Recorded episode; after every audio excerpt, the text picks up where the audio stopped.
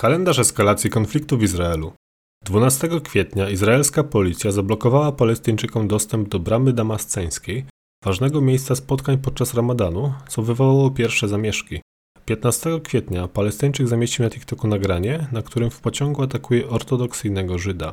W odpowiedzi prawicowa organizacja Lechawa zorganizowała marsze, gdzie skandowano m.in. śmierć Arabom.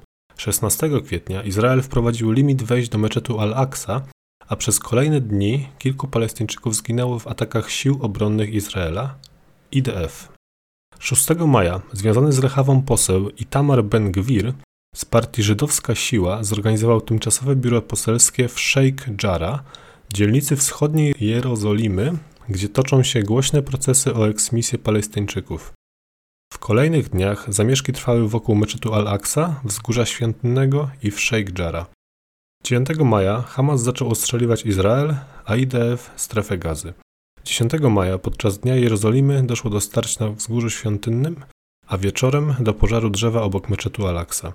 W nocy z wtorku na środę IDF zniszczył budynek biura politycznego Hamasu, na co Hamas odpowiedział ostrzałem Izraela.